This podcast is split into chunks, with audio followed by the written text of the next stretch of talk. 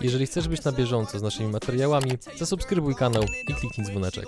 Regularnie dajesz ludziom szansę w ten sposób? Ale za każdym razem, jak widzę, że ktoś ma potencjał, żeby wziąć mu pomóc, wystarczy go tylko delikatnie popchnąć, to zrobię to z przyjemnością. Też kiedyś takiego czegoś doświadczyłem i to też mi pomogło, więc dlaczego nie miałbym się tym samym odwdzięczać do wszystkich innych ludzi? Każdy powinien mieć szansę na to w życiu, żeby móc zrobić coś wielkiego i móc spojrzeć za siebie i być z tego dumny. Zacznijmy od tego najpierw, co będzie nagrodą, a ja potem powiem, jakie jest pytanie konkursowe. Co ważne, w tym konkursie wygrywa każdy, a jedna osoba wygra szczególnie dużo. Co będzie nagrodą? E, nagrodą jest e, pakiet Smart, czyli reklamy robią się same, dla każdego, który Partnerami kanału są mBank, DPD, Twoi eksperci w doręczaniu, SN Accounts, Twój księgowy w UK, Webe Partners, sieć afiliacyjna dla e-commerce. Linki do partnerów w opisie materiału.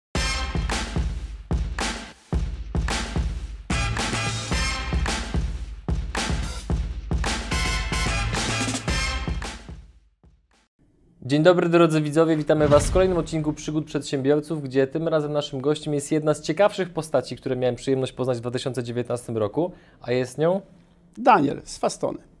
a zajmujesz się czym dokładnie? Nasz zespół pracuje nad systemem, który ma zdjąć obowiązek z ludzi robieniem reklam w Facebooku i w Google, czyli powiedzmy nad wyrost. Sztuczna inteligencja, która powoduje, że reklamy robią się same. I to będzie jeden z głównych wątków, które dzisiaj poruszymy, a oprócz tego będą jeszcze dwa.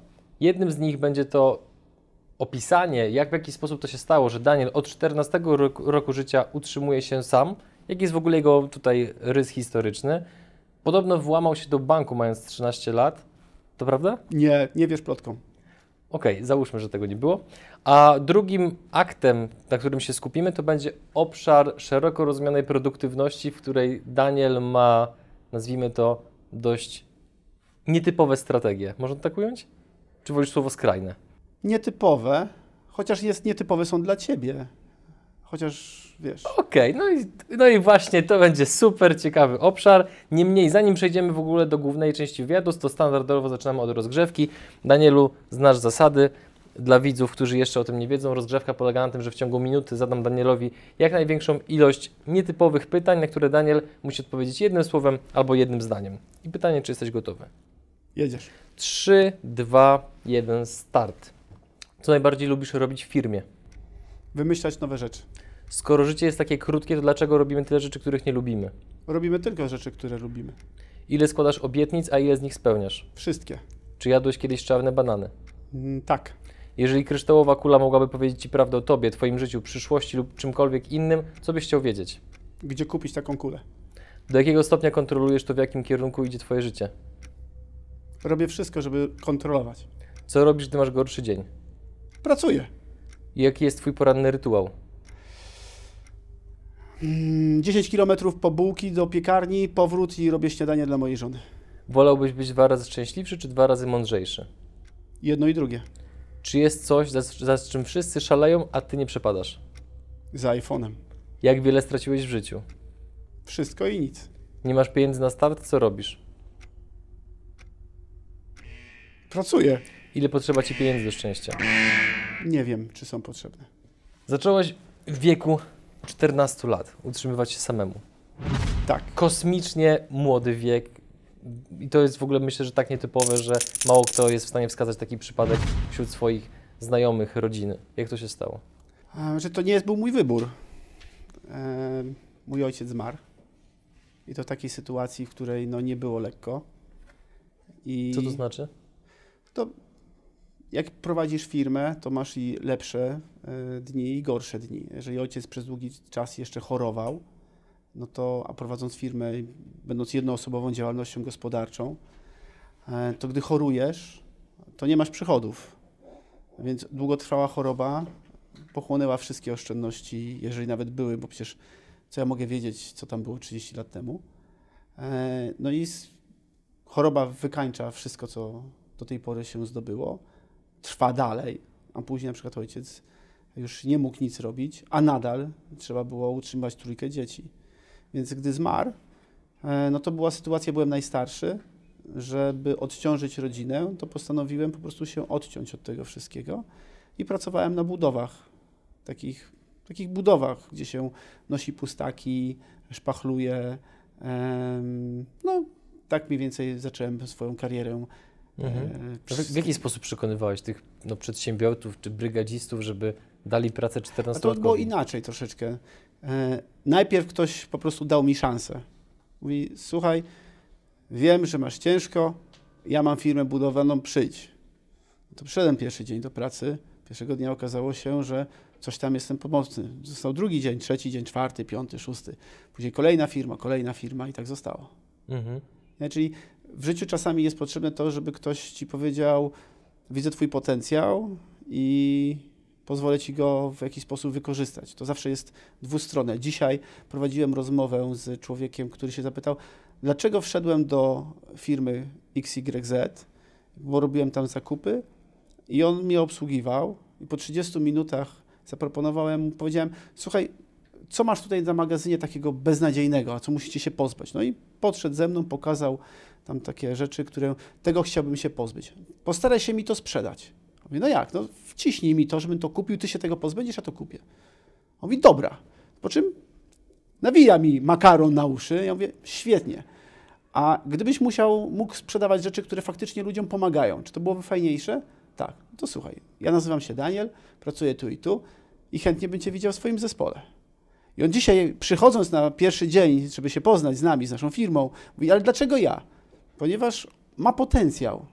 Tak, akurat został wrzucony do korpo, do jakiegoś tam dużo wielkopowierzchniowego sklepu, ale ma potencjał. Mi ktoś kiedyś dał tą szansę i powiedział, słuchaj, starasz się, nic nie umiesz, no, nie oszukujmy się, masz 14 lat, jesteś troszeczkę fizycznie sprawny, to możesz nosić pustaki, ale może, nie wiem, może coś tam jeszcze dodatkowo. No i tak to się stało. Regularnie dajesz ludziom szansę w ten sposób? Jak tylko widzę u kogoś potencjał, to postaram się go ściągnąć do mnie do firmy, a ewentualnie staram się. e, Jest taka osoba, e, nazywa się Kornacki. Kiedyś nawet zrobiliśmy. Ja do niego napisałem: Słuchaj, zadajesz bardzo mądre pytanie na grupie social media. Jak będziesz potrzebował wiedzieć coś o Facebooku i tak dalej, to ja sobie wyznaczam pół roku czasu, że będę ci pomagał. I jest jedną z tych osób, które po prostu całą, za każdym razem, jak miał jakieś pytania odnośnie Facebooka i tak dalej, no to starałem się mu pomóc, żeby, bo zadawał mądre pytania. To znaczy, że to jest osoba, która ma tą zżyłkę, chce, chce po prostu coś zrobić, ale niekoniecznie wszystko wie, Mhm. więc zadaje te pytania. Część ludzi jest leniwych. Nie wiem, to nie wiem, no to nie drążę tematu, tak? A on miał akurat taką rzecz, więc odpowiadając na Twoje pytanie, czy są tacy ludzie, którym często daję, nie wiem, bo nie liczę tego, ale za każdym razem, jak widzę, że ktoś ma potencjał, żeby wziąć mu pomóc, wystarczy go tylko delikatnie popchnąć, to zrobię to z przyjemnością. Też kiedyś takiego czegoś doświadczyłem i to też mi pomogło, więc dlaczego nie miałbym się tym samym odwdzięczać do wszystkich innych ludzi? Mhm. To co było w takim razie po firmach budowlanych? I jak to godziłeś w ogóle też z, z nauką? No bo to był no, taki okres, gdzie... To już dosyć bardziej skomplikowane. E, Ale to ja łączyłem, znaczy pracowałem po budowach, pracowałem też w jakiejś kafejce internetowej, gdzie mi oszukano i nie zapłacono. Robiłem nocki wszystkie. E, I po miesiącu po prostu nie dostałem wynagrodzenia. E, Jak to przyjąłeś? troszeczkę wkurzające, tym bardziej, że wynajmujesz pokój i musisz za niego zapłacić i liczyłeś, że te pieniądze będą. E, pracowałem w hurtowni budowlanej, byłem, pierwszy raz moja praca biurowa to była w hurtowni budowlanej, gdzie już wiedziałem, jak się wszystko robi, jak się używa narzędzia, zaprawy, rozumiałem te wszystkie procesy, więc mogłem doradzić, jak ktoś się dopytywał. To jest kiedyś, to dawno temu, to nie były takie hudowe- hud- hurtownie budowane jak Castorama, tylko to były takie prawdziwe hurtownie budowlane. Takie. Tak. E, więc to. E, później trafiłem do jednego z takich ważniejszych i większych niezależnych warsztatów samochodowych. Tam w wyniku podziału, dogadywania się o strefy wpływów, e, dołączyłem do serwisu Fiata. Po trzech miesiącach zostałem menadżerem. No i tam dwa lata zarządzałem trzema salonami, e, które zajmowały się sprzedażą. To Co było kluczowe w, w tej, powiedzmy, wspinaczce, jeżeli chodzi o kolejne szczeble zawodowe w tej firmie? w tej Determinacja, upór czy coś innego? Czyli tutaj było, właścicielem był Kazik. Mm, I przy- ja przyszedłem do tej firmy. Ja jestem ogólnie takim bardzo człowiekiem, który stawia na zasady. Nie? Zasadą jest ważne, nie kradniesz, e, i starasz się na maksa. Ja tam popracowałem 7 dni, po 7 dniach powiedziałem, że niech se Kazik ten bałagan ogarnia, bo ten pije w pracy, ten kradnie, ten oszukuje, ten kombinuje, to coś tam. Nie chcę tu pracować, po prostu ja się zamęczę. Ja nie mogę tak. Ja po prostu wszyscy mają robić na maksa. Jak ktoś nie robi na maksa, to po prostu obciąża cały łańcuch. To, to ja jestem najmłodszy yy, i powinienem stąd odejść. No i Kazik wysłał do mnie do domu e, tam obec, obecnego i poprzedniego cały czas dyrektora, bo tam Krzysztof jest cały czas dyrektorem, że Kazik chce ze mną rozmawiać. Mówię, nie, nie mam o czym rozmawiać, to jest 7 dni, to niech sobie weźmie ten, ja już sobie nową pracę załatwiłem.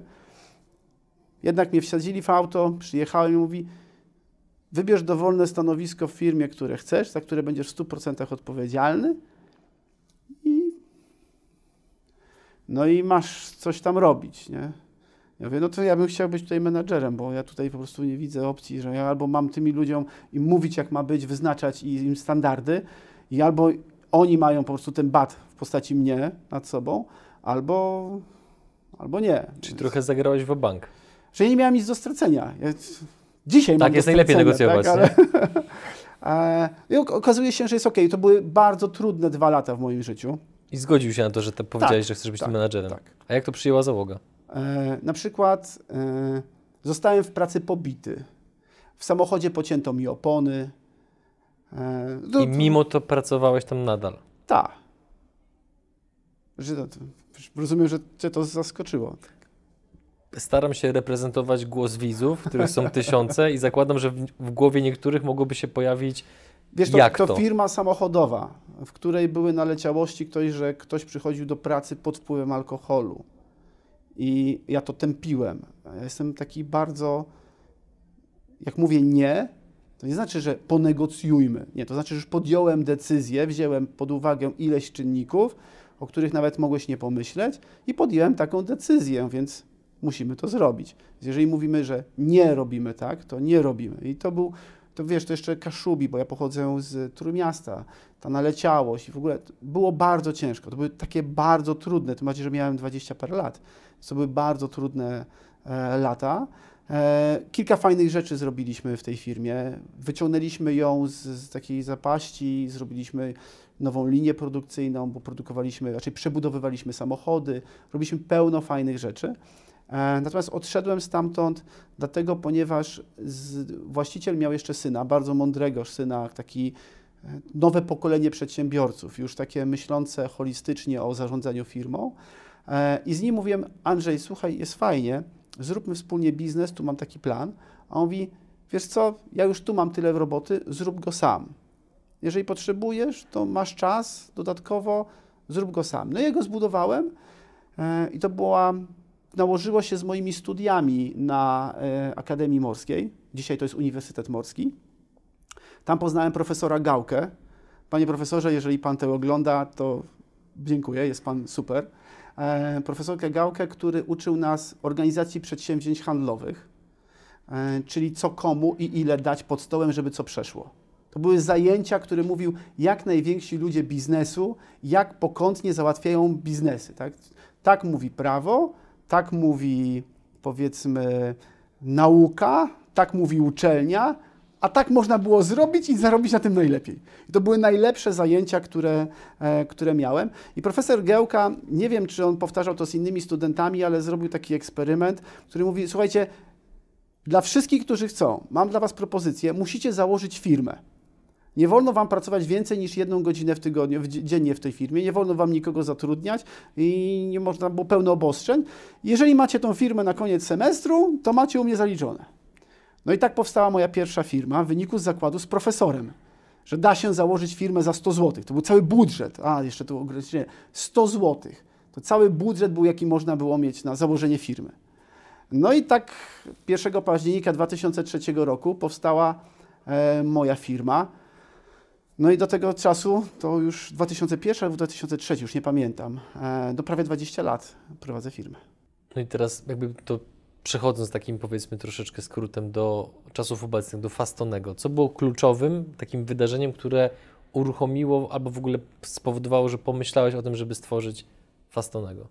No i też oczywiście dla tych, którzy nie wiedzą, wyjaśnij pokrótce, czym Fastony jest. To może najpierw zacznijmy od tego, czym jest Fastony.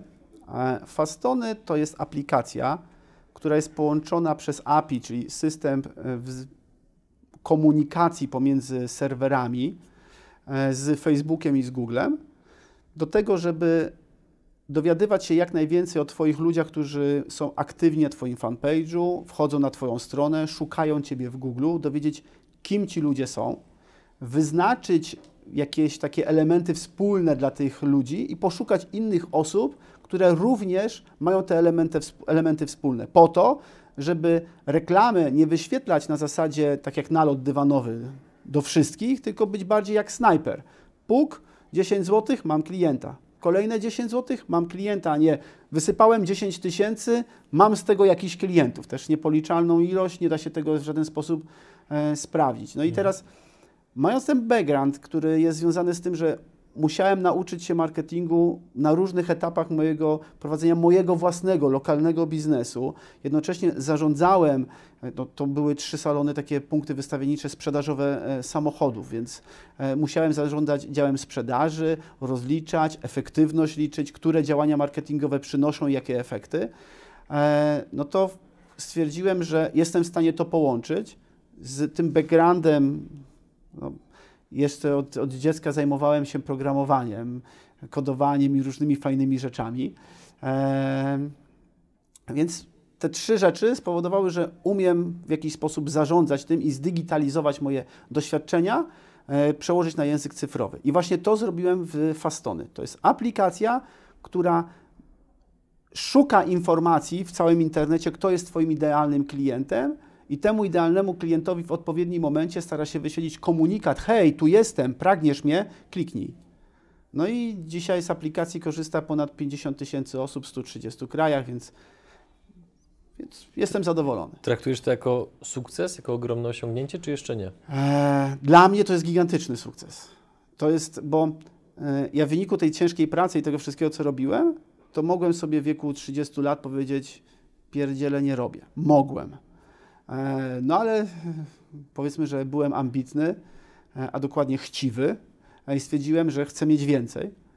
Więc kolejną rzecz, kolejną rzecz, kolejną rzecz. I gdy doszedłem do takiego etapu, gdzie już naprawdę miałem to, co potrzebowałem, czyli miałem mieszkanie, nie musiałem je płacić rat, miałem samochód, miałem coś tam, coś tam, coś tam, coś tam, stwierdziłem, że tą całą moją wiedzę da się coś z tym zrobić, coś więcej. I poznałem mojego przyjaciela, Radka z Krakowa, Radek Tomasik, z którym pracowaliśmy nad e, takim rozwiązaniem, które wspomagałoby e, budowanie relacji z klientami dla marki Goodyear. I opracowaliśmy jakieś tam rozwiązanie, które w, współpracy razem z Goodyearem mieliśmy tam wdrażać, łącznie z systemem edukacji e-learningowej i tak dalej, i tak dalej. No i w trakcie tej naszej przyjaźni online'owej, bo nigdy do, tego, do tej pory się z nim nie widziałem, raczej do tamtego czasu, stwierdziliśmy, że ja mam taki background lokalnych małych firm. E, on rozumie się ze mną świetnie, to e, zróbmy razem coś, co wspólny biznes. Ja pamiętam, dawno, dawno temu odbieram telefon, mówi, słuchaj, dostaliśmy akcesję od Facebooka do tego, żeby mieć dostęp do tam kolejnych tam rzeczy. Ja mówię, wow, super. A on mówi, no to może założymy firmę. Ja mówię, dobra, ale ty gadasz z klientami. Ja mówię, Ej, nie rób taki, zaklepałem. Wie, ale Radek, nie bądź taki, zaklepałem moje. Dobra, będę gadał z klientami. I teraz, wiesz, osoby, która... Podział obowiązków był na zasadzie zaklepania. Tak. Nie kompetencji, predyspozycji, preferencji, tylko nie, zaklepania. zaklepania. Świetnie, kontynuuj proszę. A, I wiesz, osoba, która do tej pory zarządzała wszystko na poziomie Excela, czyli... Um, to ja zarządzałem zespołami, ale to było, sprawdzają się tabelki, zgadzają się tabelki, tak, działa, nie działa. Wiesz, ja nie byłem super osobą komunikatywną, stąd też, wiesz, pocięli mi opony, bo przecież nie mogli się ze mną dogadać. To, osoba, która tak ekstremalnie była niekomunikatywna, ale skuteczna. Tak? W firmie, która miała poważny problem finansowy, jak odchodziłem, było wszystko top. E, więc mm, nagle miałem stać się osobą, która jest komunikatywna medialna, otwarta do ludzi, może występować publicznie, rozmawiać z Tobą, nie bać się kamery, mówić do Was. E, więc e, no to było trudne wyzwanie.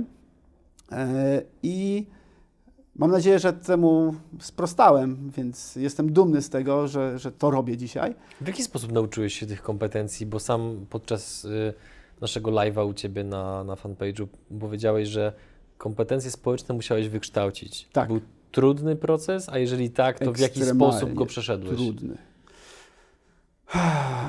Aż tak powiało grozą, jak powiedział taki introwertyk. Ekstremalnie trudny. Ekstremalny introwertyk. Nie, to, Mhm. to bardzo trudne jest, bo e, są osoby, które są ekstrawertyczne i, i to jest dla nich naturalne, a ja musiałem po prostu wytworzyć skrzela. Tak? Nagle zauczyć się pływać wśród rekinów i jeszcze się z nimi dobrze bawić i zaprzyjaźnić i w ogóle być super kolegą, gdzie do tej pory tak nigdy w życiu nie musiałem. Nie mówię, że to nie jest miłe, to fajne, tylko że mm, wystąpiłem na konferencji Marketing Day, która była dawno, dawno temu, około cz- pięciu lat temu. E, Marek Piasek e, mnie zaprosił. Daniel, korzystamy z Twojego tula, jest super, oszczędziliśmy dzięki niemu kupę pieniędzy. Wystąp u nas na konferencji i o nim opowiedz. Ja mówię, okej, ale Marek, co to za konferencja? Ta, taka sala na 300 osób. Ja to nagra- ja mam nagranie, w jaki sposób to powiedziałem. Ja przygotowywałem się do poprowadzenia tej 30-minutowej prelekcji w taki sposób, że 100 razy na głos ją powtórzyłem bez zająknięcia. 100, 100 razy. razy 30-minutową, czyli mówiłem 50 godzin. I to nie jest metafora, tylko to było Nie. faktycznie 100 razy. 100 razy. Specjalnie zrobiłem to 100 razy, bo stwierdziłem, że wtedy po 100 razach ja po prostu będę umiał to powtórzyć. To nie jest tak, jak ja z Tobą rozmawiam, nie mam listy pytań i Ty mi zadajesz pytania i ja po prostu na nie odpowiadam. Nie, ja miałem 100 razy powtórzoną słowo w słowo. Bo nawet pamiętam słowo w słowo początek, jak to było, więc można znaleźć na naszym kanale Mhm. na YouTubie, gdzieś tam go mam schowany. Nie wiem, czy jest ukryty, ale Mhm. nagrałem sobie. Trudne wystąpienie dla osoby, która nie miała doświadczenia w ogóle w, no, w takim publicznych wystąpieniach. Tak? No, Okej, mogłem wystąpić przed pracownikami, opowiedzieć coś tam, ale Nie w takiej 300 skali. osób, nie? Więc, e, więc było ciężko, To co, ale fajnie. To co, co było najważniejsze w kształtowaniu tych kompetencji takich miękkich? Determinacja.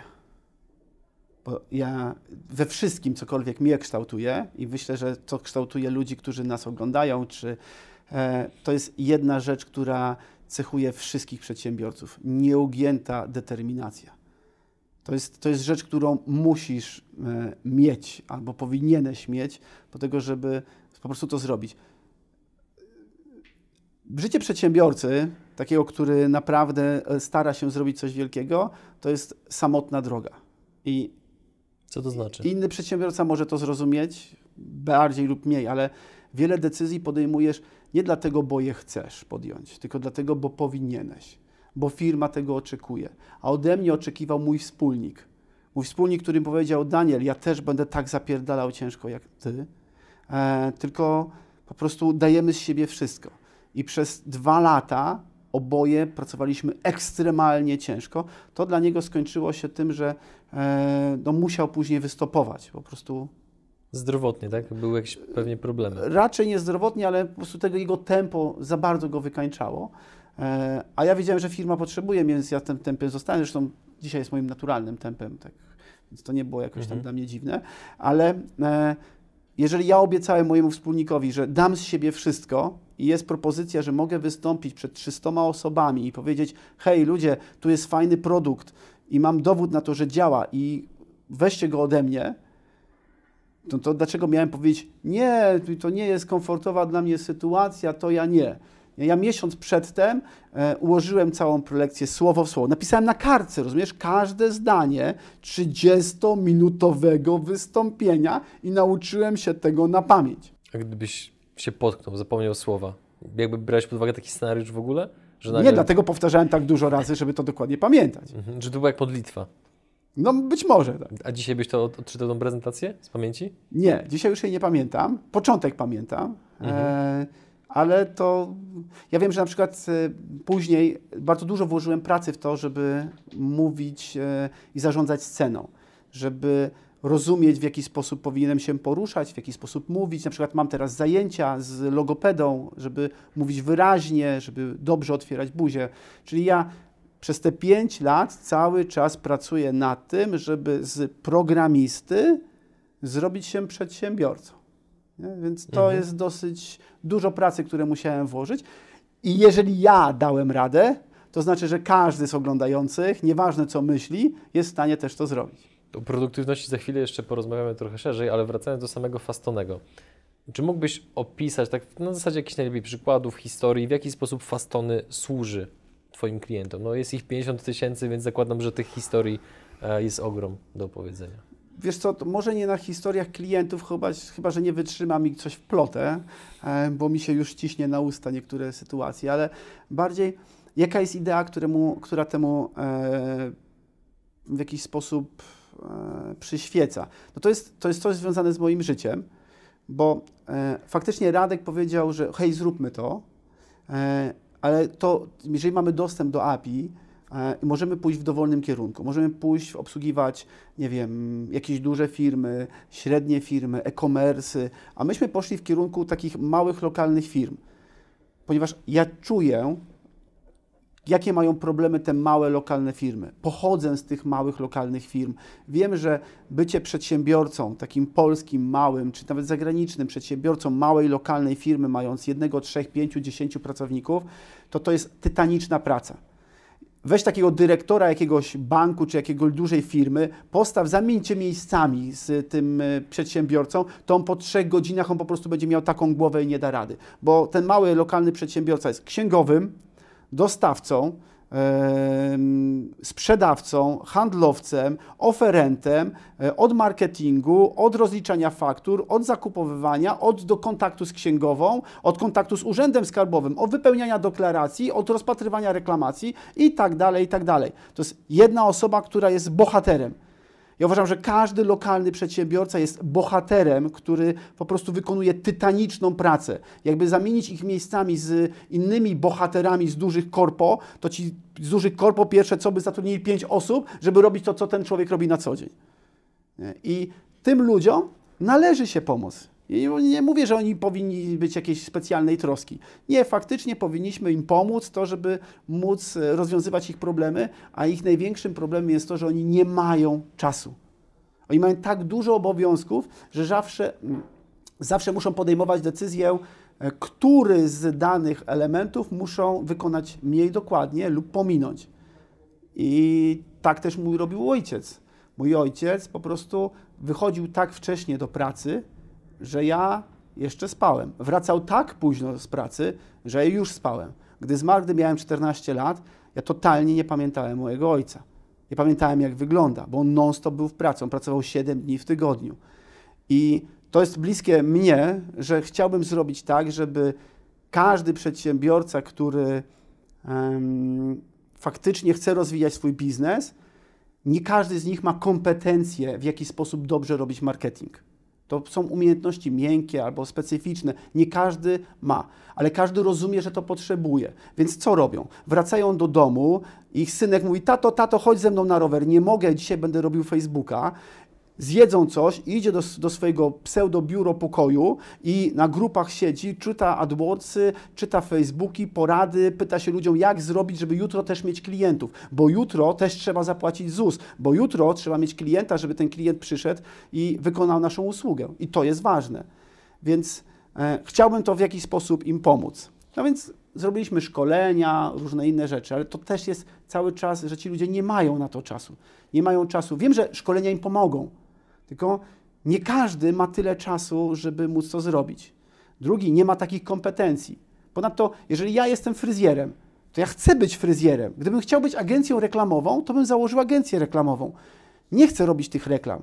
Wczoraj rozmawiałem z panią, która jest świetnym ceramikiem. Robi piękne rzeczy z gliny, wypala je, szkliwi, maluje złotem. Piękne rzeczy, ale ja jej mówię, że ona do mnie trafiła, bo ona chce znajdować klientów i chce. Ona już prowadzi ten sklep 9 lat i ją satysfakcjonuje to, co się dzieje, ale ona próbowała reklam, próbowała tych szkoleń, ona tego nie lubi. Ona wie, że to jest jej potrzebne, ale ona tego nie chce robić. Więc zbudowaliśmy system dla każdej osoby, bez względu na to, jaki prowadzisz biznes, gdzie nieważne, jaką masz wiedzę na temat marketingu, optymalizacji, uczenia maszynowego, strategii kampanii i budżetowania tego wszystkiego, nie musisz się na tym znać. Musisz odpowiedzieć na sześć pytań.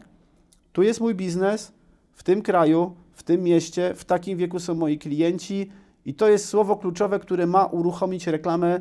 Gdy to słowo użyję, to ma być reklama. Enter.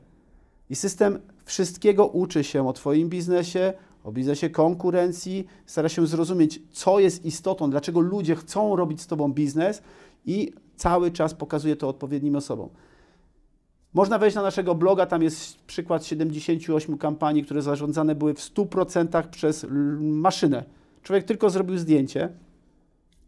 No i efekty są porażające. Zresztą jest mhm. dużo materiałów wideo, gdzie ludzie mówią, jakie to mają efekty, e, jak to rozwinęło ich biznes, więc ciężko jest o tym mówić. Ale jedna rzecz, która jest bardzo ważna, kreacja, czyli my w marketingu nazywamy to, co człowiek widzi, czyli to zdjęcie plus te opisy to dużo fajniej jest, jeżeli są takie piękne. Mhm. I jeżeli uczyliśmy maszynę e, robić te reklamy, no to łatwo jest, bo pracowaliśmy z wielą ilością agencji, mieliśmy te piękne kreacje i tam łatwo wykręcić ten wynik, bo ta super kreacja. Dużo trudniej jest, jeżeli jesteś zwykłym lokalną firmą. Mieliśmy przykład na przykład takiego pana, który mm, jest Włochem, otworzył restaurację, bo się zakochał w Polsce. E, no i jego kreacje wyglądały w ten sposób. Wychodził, robił zdjęcie swojego lokalu albo pustych stolików, mówi, że mam wolne miejsca, zapraszam. On zrobił zdjęcie, które jest. Mało atrakcyjne? Mało atrakcyjne. Świetny eufemizm. No i teraz, mając do wyboru piękną kreację i łatwo je promować, to sztuką było, że przeciętna, zwykła, normalna, niewyretuszowana, taka normalna kreacja zwykłego człowieka, który nie zajmuje się zawodowo pisaniem tekstów, również da się tak nauczyć maszynę, że wyciągnie z tej kreacji maksimum i pokaże odpowiednim osobom. Więc nawet jeżeli nie masz kompetencji robienia pięknych zdjęć, nie jesteś mistrzem i wirtuozem polskiego słownictwa i Twoje zdania po prostu są zwykłymi zdaniami, a nie ociekającym śliną tekstem, który mówi wow, łaknij mnie, e, to i tak ta maszyna działa. To jest właśnie rozwiązanie, które możesz być tym, kim chciałeś być. Chciałeś być fryzjerem, jesteś fryzjerem. My mamy takie motto, które mówi: niech lekarz leczy ludzi, mechanik naprawia samochody, a reklamy niech się robią same. Po co mechanikowi marketing? To ile to kosztuje? 69 zł z VAT-em brutto miesięcznie. Rzecz, która ci totalnie zwalnia z reklam, gdzie musisz się na tym znać, nie musisz o tym myśleć, nie musisz tego za bardzo robić, kosztuje takie grosze. Tak, ale Dlaczego? to jest dlatego, ponieważ mamy taką dużą skalę. Gdybym to sprzedawał, mhm. nie wiem, pięciu firmom, to by to było drogie. Natomiast to, że mamy taką dużą skalę użytkowników, które jest oparte o uczenie maszynowe, to serwery i to wszystko powoduje, że jesteśmy w stanie wygenerować e, ilość danych od wszystkich użytkowników, że jesteśmy na stanie nakarmić to. A ponadto ta infrastruktura już się skaluje, czyli kolejne 50 tysięcy użytkowników to nie zwiększy moich kosztów o kolejne 100%, nie? Więc w ten sposób jesteśmy w stanie mhm. to zrobić bardzo, bardzo tanio. Tym bardziej, że nie ma być tej bariery. Oczywiście mogę to sprzedawać drożej, klienci zapłacą. Tylko dlaczego?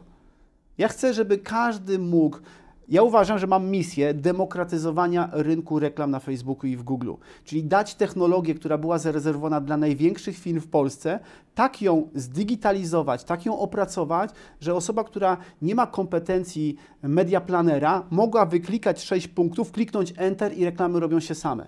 Czyli demokratyzujemy rynek dużych domów mediowych, ich wiedzy, ich kompetencji, ich know-how i dajemy każdemu małemu przedsiębiorcy, żeby mógł też prowadzić na podobnych zasadach, na podobnym jakości marketingu, jak te duże firmy. To jest demokratyzacja marketingu. A skąd sama nazwa Fastony? Fastony? Bo to już słyszałem od kilku osób, które się zastanawiały, z czego wynika ta nazwa, która no nie, nie, Oczywiście teraz to już jest na tyle znana marka, że dla osób ze świata marketingu to każdy jakby rozumie, że Fastony równa się Facebook w jakimś tam kontekście. No ale dla osoby, taką, którą byś zapytał, która nie zna Fastonego i zapytałbyś, z czym się kojarzy ta nazwa? No jakby... Tutaj... Adrian. No dawaj. Fastony jest to postać z kreskówki, z epoki lodowcowej. Tam był taki pancernik, który wszystko szybko sprzedawał. Rurkę do oddychania sprzedał, jakiego kumpla żółwia zjadło coś, to skorupę sprzedał. Ogólnie zajmowała się szybkim sprzedażą.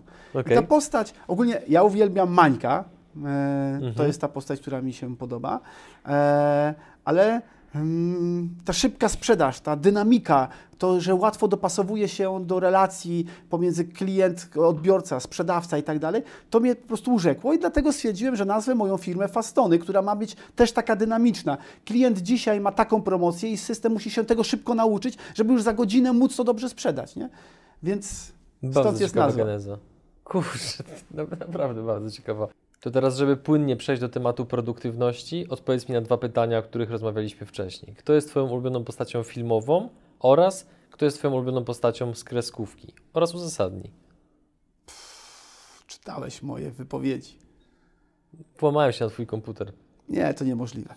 E, Okej. e, Postać filmowa Jean-Luc Picard e, z Star Treka. Był to kapitan USS Enterprise, e, model E, e, jeżeli dobrze pamiętam, czy D. E, Jakkolwiek e, to był kapitan, który rządził, czyli dowodził statkiem w taki sposób, że miał swoich głównych oficerów i prawie oddawał im każdą decyzję po to, żeby, żeby decydowali o najważniejszych sprawach i każdą z nich konsultował. W podobny sposób prowadzę fastony. Ja poszukuję przyszłych generałów, gdy już firma będzie miliardową spółką, a jest to, jesteśmy na tej powiedzmy trakcji. E, Ci, którzy, z którymi od początku buduję, buduję, czyli na przykład Radek czy inni, no na początku byliśmy małą firmą, dzisiaj są dyrektorami zarządzającymi. Za parę lat firma będzie miała 100, 200, 300 milionów dolarów przychodu. Będą dalej w organizacji szli w górę i będę im powierzał kolejne rzeczy.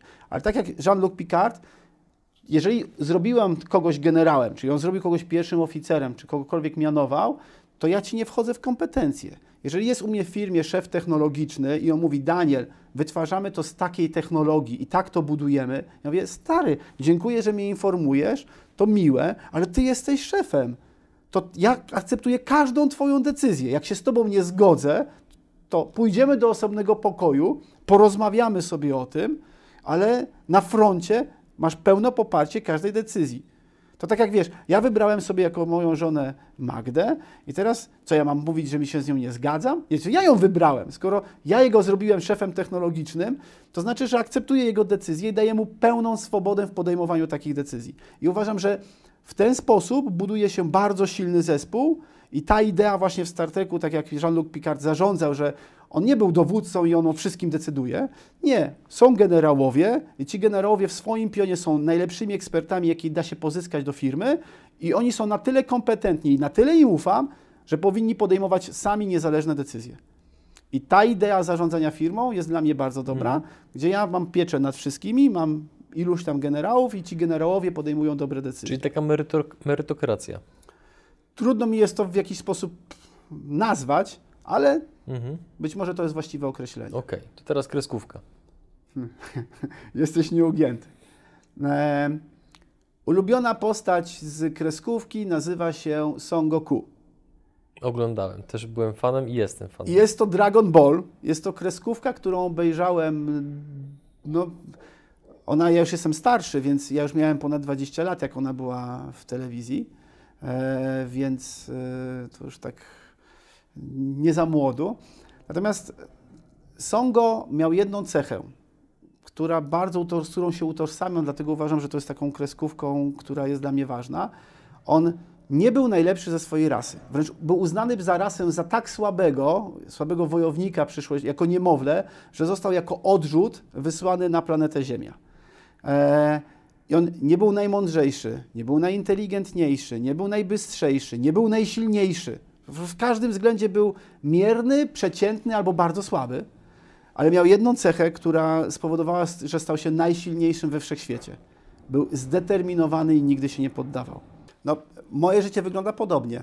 Ja nie jestem najinteligentniejszy z mojej rasy. Nie jestem najprzystojniejszy, nie najlepiej wyglądam, nie najlepiej mówię, zamknięty w sobie, introwertyk. Mam pełno cech, które nie budują ze mnie lidera, ale byłem zdeterminowany, że chciałem zrobić coś wielkiego. Po prostu chciałem osiągnąć, chciałem zrobić sukces, chciałem, żeby moje życie wyglądało w ten sposób, że mogę spojrzeć za siebie i każdego dnia mogę powiedzieć: Hej, zrobiłem coś, czego jestem dumny. Moim celem życiowym jest tak, żeby kiedyś spojrzeć na Nasdaq i powiedzieć: Synu, widzisz tą spółkę w fastonie Nasdaqu? Tata ją zbudował. To jest ta chwila, dla której chciałbym to wszystko zrobić, nie? Ten, ten, jeden moment. I każdy, każdy powinien mieć szansę na to w życiu, żeby móc zrobić coś wielkiego i móc spojrzeć za siebie i być z tego dumny. I ten Songo, on non-stop dostawał lańsko. Non-stop mu coś nie wychodziło, non-stop było. Setki razy upadałem. Tak, włamano mi się do firmy, okradziono wszystko łącznie z pilotem, wyciągnięto wszystko do zera. Eee, było wiele razy tak, że dochodziłem do jakiegoś etapu i wszystko zostało zburzone. Dochodziłem i znowu źle, nie? E, więc to by przypominało mi, że ja podobnie robiłem jak on, ale za każdym razem, jak była jakaś porażka, wstawałem, mówiłem, OK, i co z tego? Ja dam radę, nie? I, i idę. Ja tutaj nie wierzę we szczęście, nie wierzę w to, że w biznesie jest potrzebne szczęście. Ja wierzę w to, że trzeba w życiu po prostu zrobić tak, że na pewno będą przeciwności. Na pewno będzie pełno rzeczy, którym ci się nie uda, ale to odróżnia e, dobrego generała od zarządzania, od złego generała. Dobry generał mówi: Ja mam taki plan, i wychodzi na pole bitwy i realizuje plan. Natomiast dobry generał, dobry przedsiębiorca mówi tak: Zobaczmy, jak się zmieniło pole bitwy. Aha, ci zrobili tak, tego nie przewidziałem, musimy się dostosować do tego. Czyli ta elastyczność, to że o, tutaj dostaliśmy w pierdziel na prawej flance, to spróbujmy z innej strony. To czyniło to, że ja za każdym razem szedłem do przodu i do przodu. I właśnie dlatego cenię tą bajkę, ponieważ ta bajka uczy dzieci wytrwałości. Dzisiaj młodzież, o, nie wyszło mi, to nie jest to dla mnie, nie? To nie, nie, nie mam tysiąca lajków pod postem, to go skasuję, bo, bo się poddają. Nie? Ja powiedz, że ta bajka uczyła, że jesteś zwykły, przeciętny, ale wytrwałością, determinacją jesteś w stanie osiągnąć cały top. No i właśnie, pracujesz podobno, bo nawet rozmawiałem z kilkoma osobami o tym, pracujesz podobno bardzo ciężko. Cały czas. Dużo. No tak. i teraz, jak, jak, gdybyś mógł scharakteryzować, taki zarysować kontekst dotyczący Twojej takiej codziennej pracy, produktywności, jak to wygląda liczbowo, jak wygląda Twój dzień?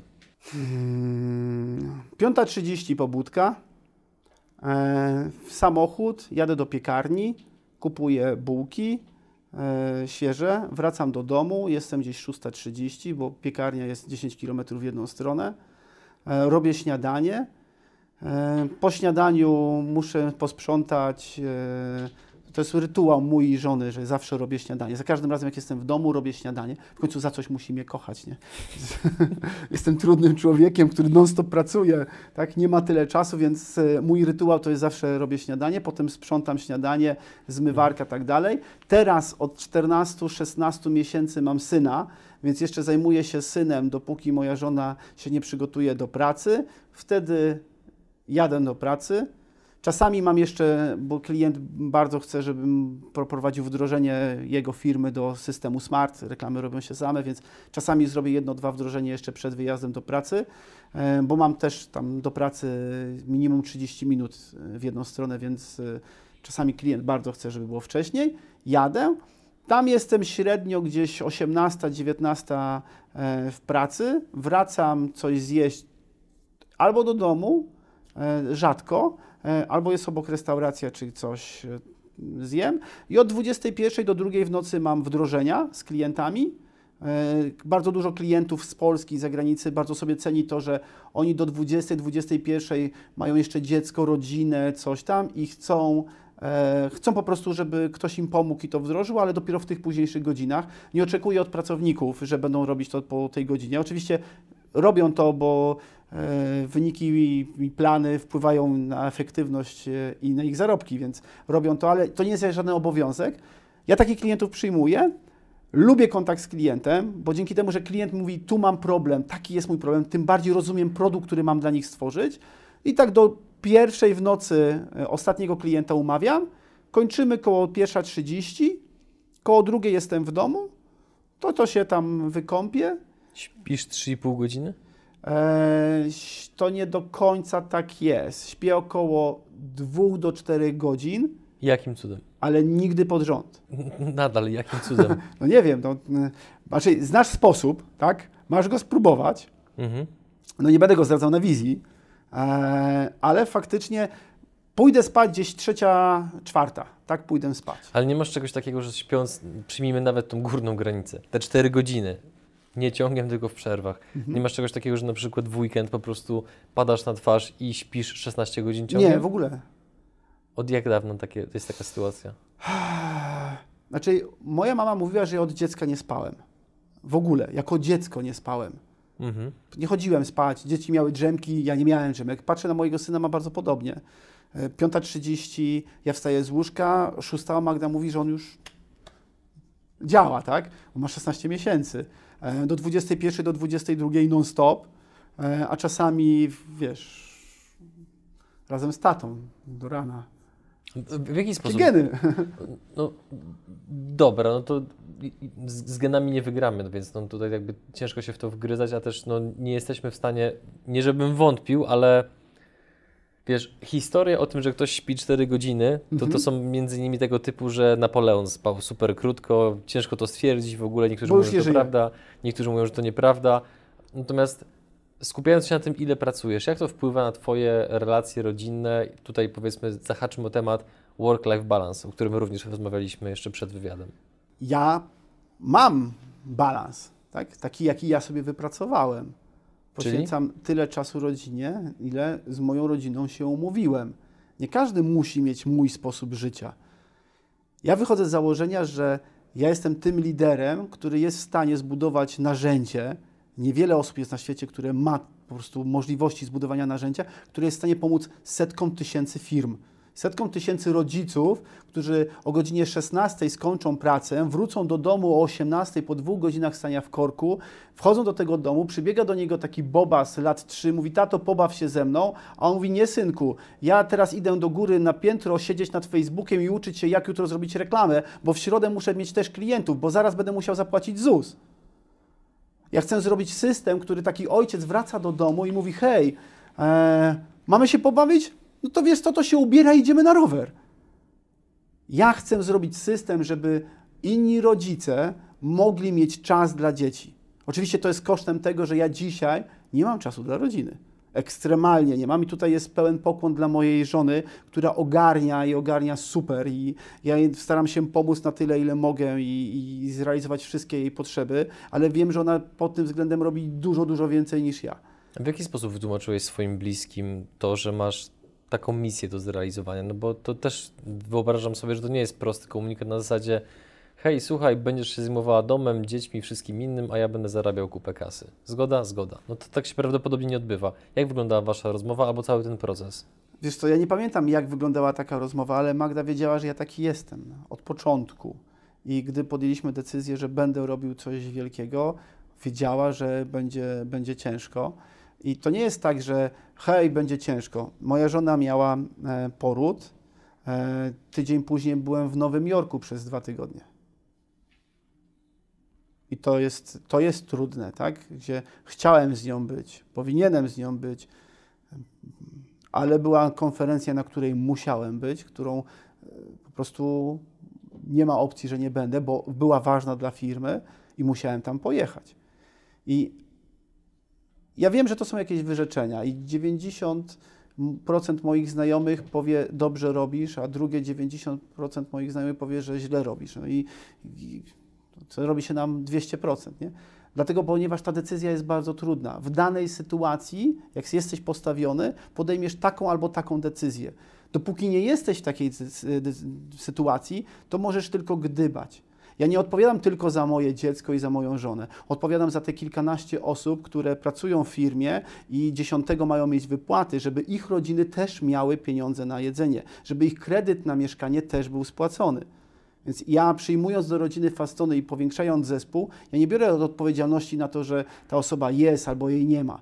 Nie, ja biorę całą jego rodzinę i zapewniam tej rodzinie tak, żeby ona mogła czuć się bezpiecznie, żeby on mógł czuć się bezpiecznie w pracy. Więc podejmując decyzję, nie podejmuję decyzję o sobie, albo o moim synu, albo o mojej żonie.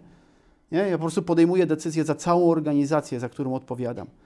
I ty mówisz work-life balance, nie? czyli to, to jest dzisiaj to, to słowo nabrało jakiegoś takiego znaczenia, które zostało przeinaczone, że pracuj mało, e, żyj, e, doświadczaj, baw się i tak dalej.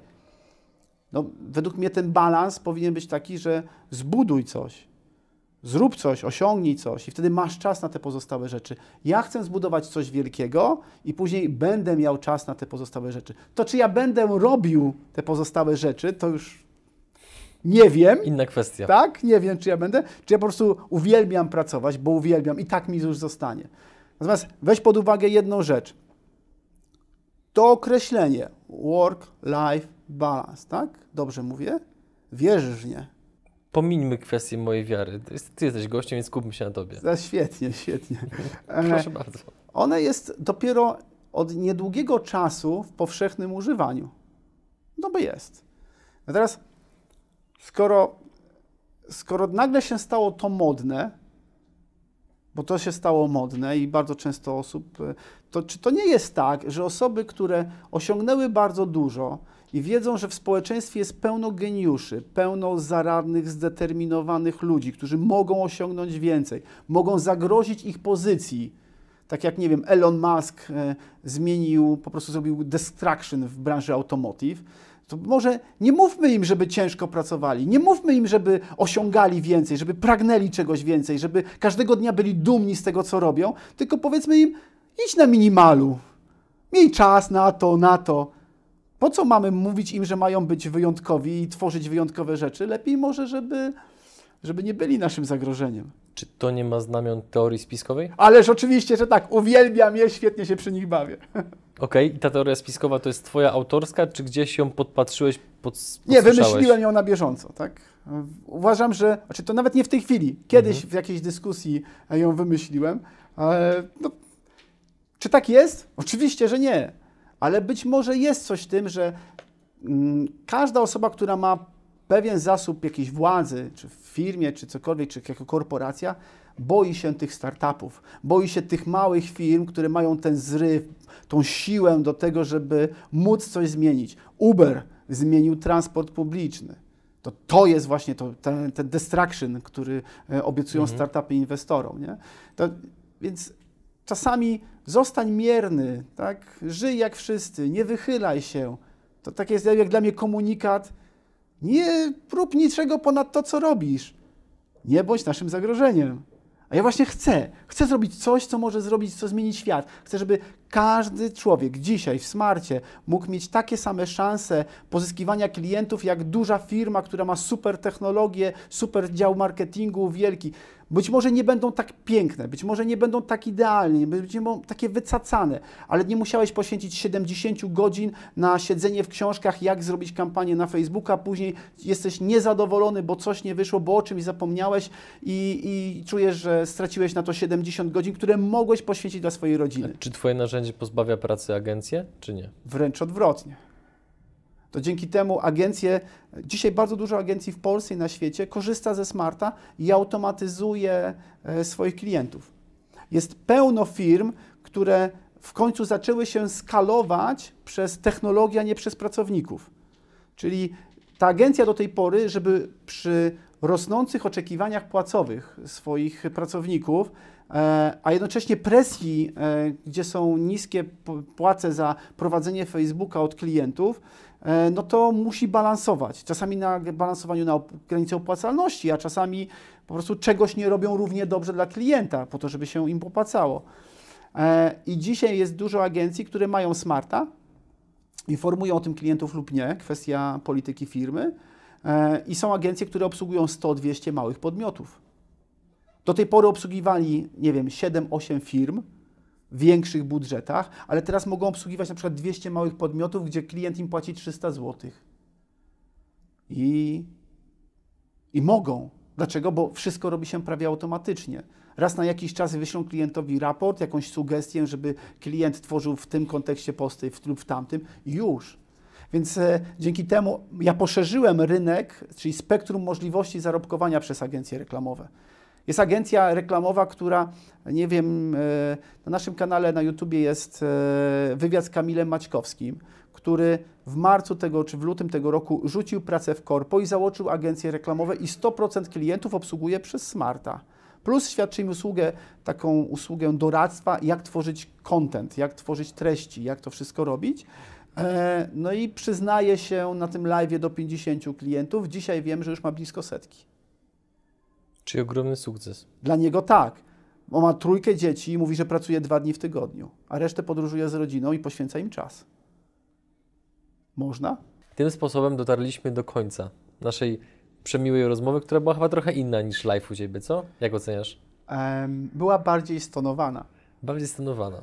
A drodzy widzowie, dla tych z Was, którzy nie widzieli jeszcze live'a, gdzie z Danielem rozmawialiśmy w troszeczkę, nazwijmy to, nie, intensywniejszy przez- sposób. Powiedzmy, prowadziliśmy otwartą wojnę na wysokim poziomie, ale to była taka wojna Taka szermierka. cięcie sztych. Tak, ciach, to było ciach. takie eleganckie, prawda?